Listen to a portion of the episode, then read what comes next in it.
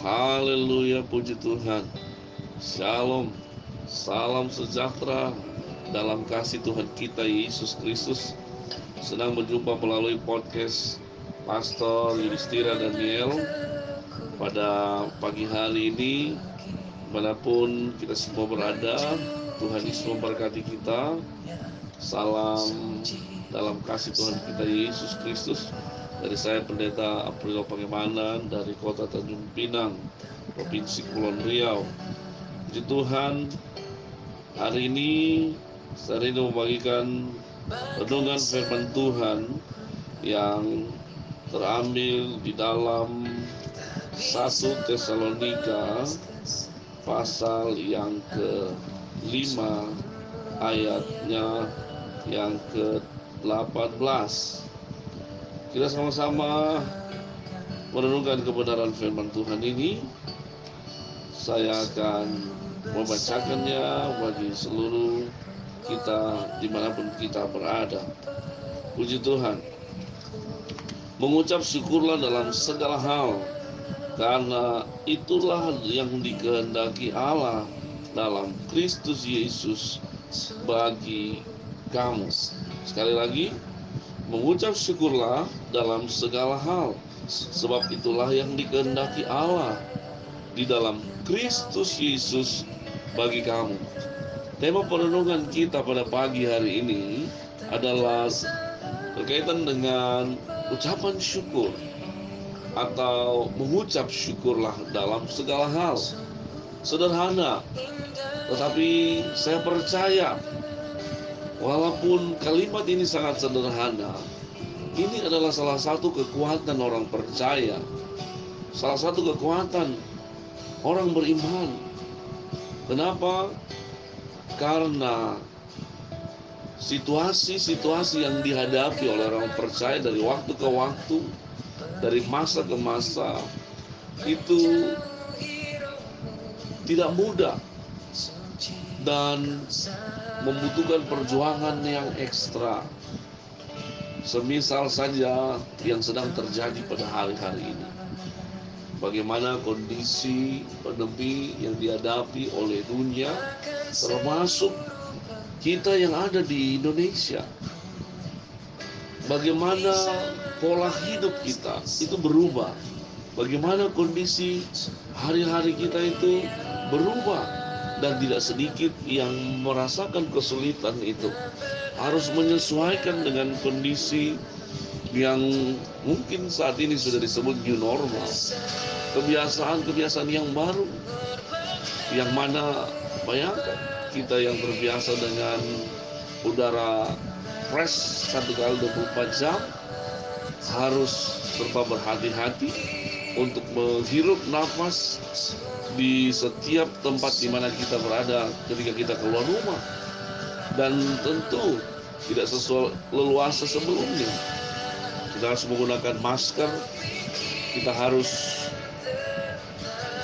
menjaga protokol kesehatan yang ada menjaga jarak dan sebagainya. Dan ini situasi-situasi yang tidak mudah bagi kita kondisi yang tidak biasa bagi kita dan kondisi ini memberikan dampak yang luar biasa bagi perekonomian, bagi politik, di segala bidang kehidupan termasuk kehidupan rohani bahkan kehidupan gereja Tuhan pada hari ini.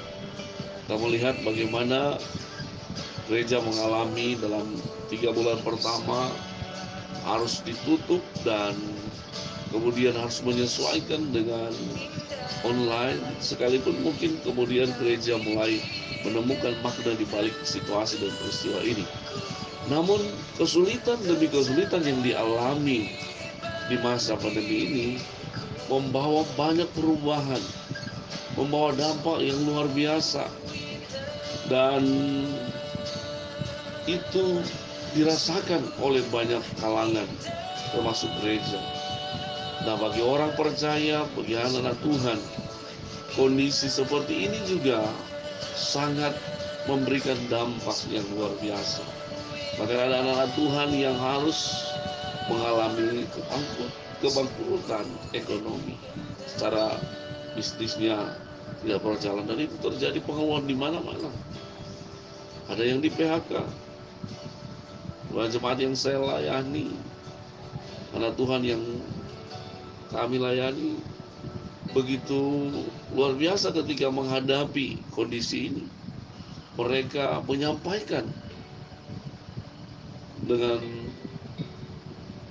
pemakluman bahwa mereka tidak lagi akan memberi perpuluhan karena mereka berhenti dari pekerjaan. Hal-hal seperti ini nyata kondisi yang merubah keadaan. Tapi puji Tuhan, ayat firman Tuhan yang saya bacakan yang tadi kita dengarkan bersama, itu mengucap syukur dalam segala hal ini adalah petunjuk yang jelas untuk dilakukan di tengah-tengah situasi pandemi ini. Kesulitan situasi yang dihadapi tidak ada lain selain daripada mengucap syukur.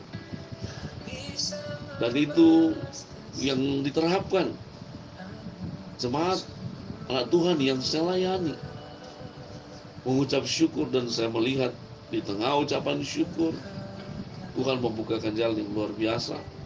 Ternyata Tuhan tetap pelihara. Karena di tengah ucapan syukur, maka kita sedang menempatkan Tuhan untuk bekerja secara leluasa, secara luar biasa, secara dahsyat dan sepenuh-penuhnya dalam hidup kita. Kenapa? Karena kita tahu hidup dan masa depan kita, hari-hari kita ada di dalam tangan Tuhan.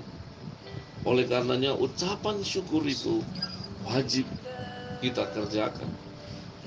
Memang ketika kita mengalami keberkatan, ketika kita dilimpahi oleh hal-hal yang baik, kita akan sangat mudah mengucap syukur. Tetapi sangat jarang kita mau mengucap syukur ketika kita misalnya sakit, misalnya bangkrut. Orang akan berkata, kamu bangkrut kok mengucap syukur dan itu yang dialami bahkan gereja pun mengalami hal-hal seperti itu seolah-olah ucapan syukur itu hanya datang dalam keadaan senang dalam situasi yang membahagiakan. Tetapi sekali lagi saya mau katakan firman Tuhan jelas mengatakan mengucap syukurlah dalam segala hal. Tidak hanya dalam hal-hal yang baik termasuk dalam keadaan yang sulit sekalipun. Saya beberapa kali menyampaikan kebenaran firman Tuhan ini. Dan benar saja, saudara dikasih Tuhan, kenyataan memang tidak mudah mengucap syukur di dalam hal-hal yang sulit, yang tidak mengenakan. Tetapi itu yang Tuhan mau kita kerjakan. Dalam satu pelayanan saya pernah menyampaikan firman Tuhan dengan tegas dan jelas tentang ucapan syukur. Selesai khotbah, selesai saya menyampaikan firman Tuhan, renungan. Saya pulang dari tempat pelayanan, dalam perjalanan, uang saya jatuh.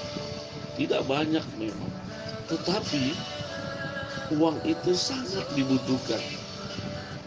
Pada waktu saya tahu uang saya jatuh, saya sedang bersama dengan anak saya. Dan saya katakan begini, puji Tuhan maka dia melihat dengan heran. Kenapa Pak?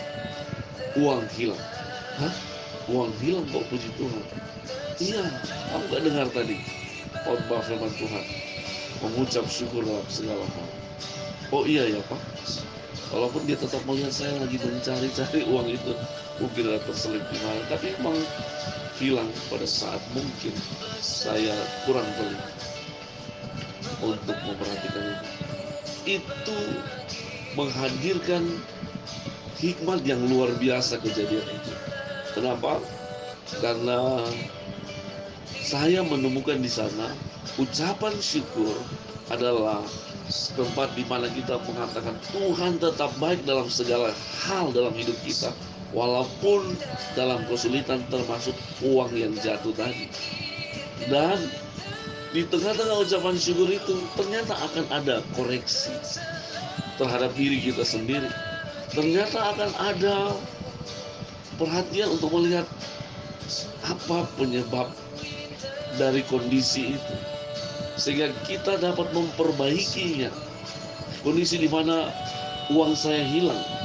Kondisi di mana uang saya jatuh karena tidak teliti, tidak hati-hati, tidak waspada. Dan saya mengucap syukur untuk hikmat yang Tuhan berikan.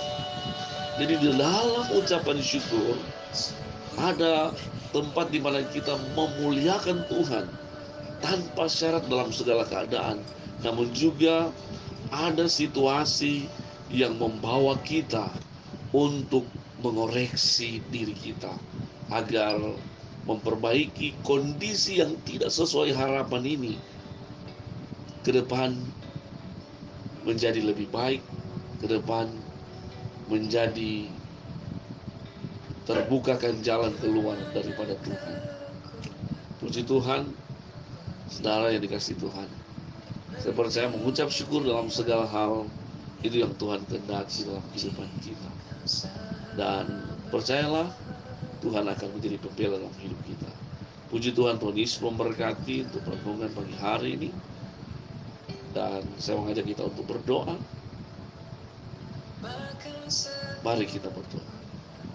Tuhan Yesus, kami bersyukur untuk hari ini kalau kami boleh mendengarkan firman Tuhan dalam hal mengucap syukur. Tema ini sudah menjadi tema yang klasik, tema yang begitu lama diangkat dalam kehidupan gereja Tuhan.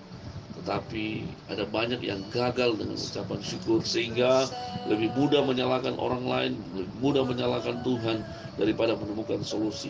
Tapi hari ini kami percaya lewat firman Tuhan yang disampaikan kami akan dimampukan oleh Tuhan untuk mengucap syukur dalam segala hal karena kami percaya di dalamnya nyata kuasa Tuhan ketika kami mengucap syukur kami akan melihat Tuhan bekerja secara luar biasa. Apa pun masalah pergumulan kami ketika kami mengucap syukur dalam segala keadaan kami akan melihat Tuhan yang luar biasa Tuhan yang dahsyat Tuhan yang ajaib. Sungguh indah karyamu dalam hidup kami akan nyata. Kami bersyukur Bapak di sorga memberkati setiap yang mendengarkan podcast ini, memberkati Pak Yudhistira, memberkati kami semua dalam nama Tuhan Yesus. Terpuji-pujilah namamu, segala kemuliaan, segala pujian dan pengagungan hanya bagi Tuhan Yesus Kristus. Terima kasih Tuhan. Kami akhiri podcast ini. Haleluya, haleluya. Amin. Tuhan Yesus memberkati kita. Shalom.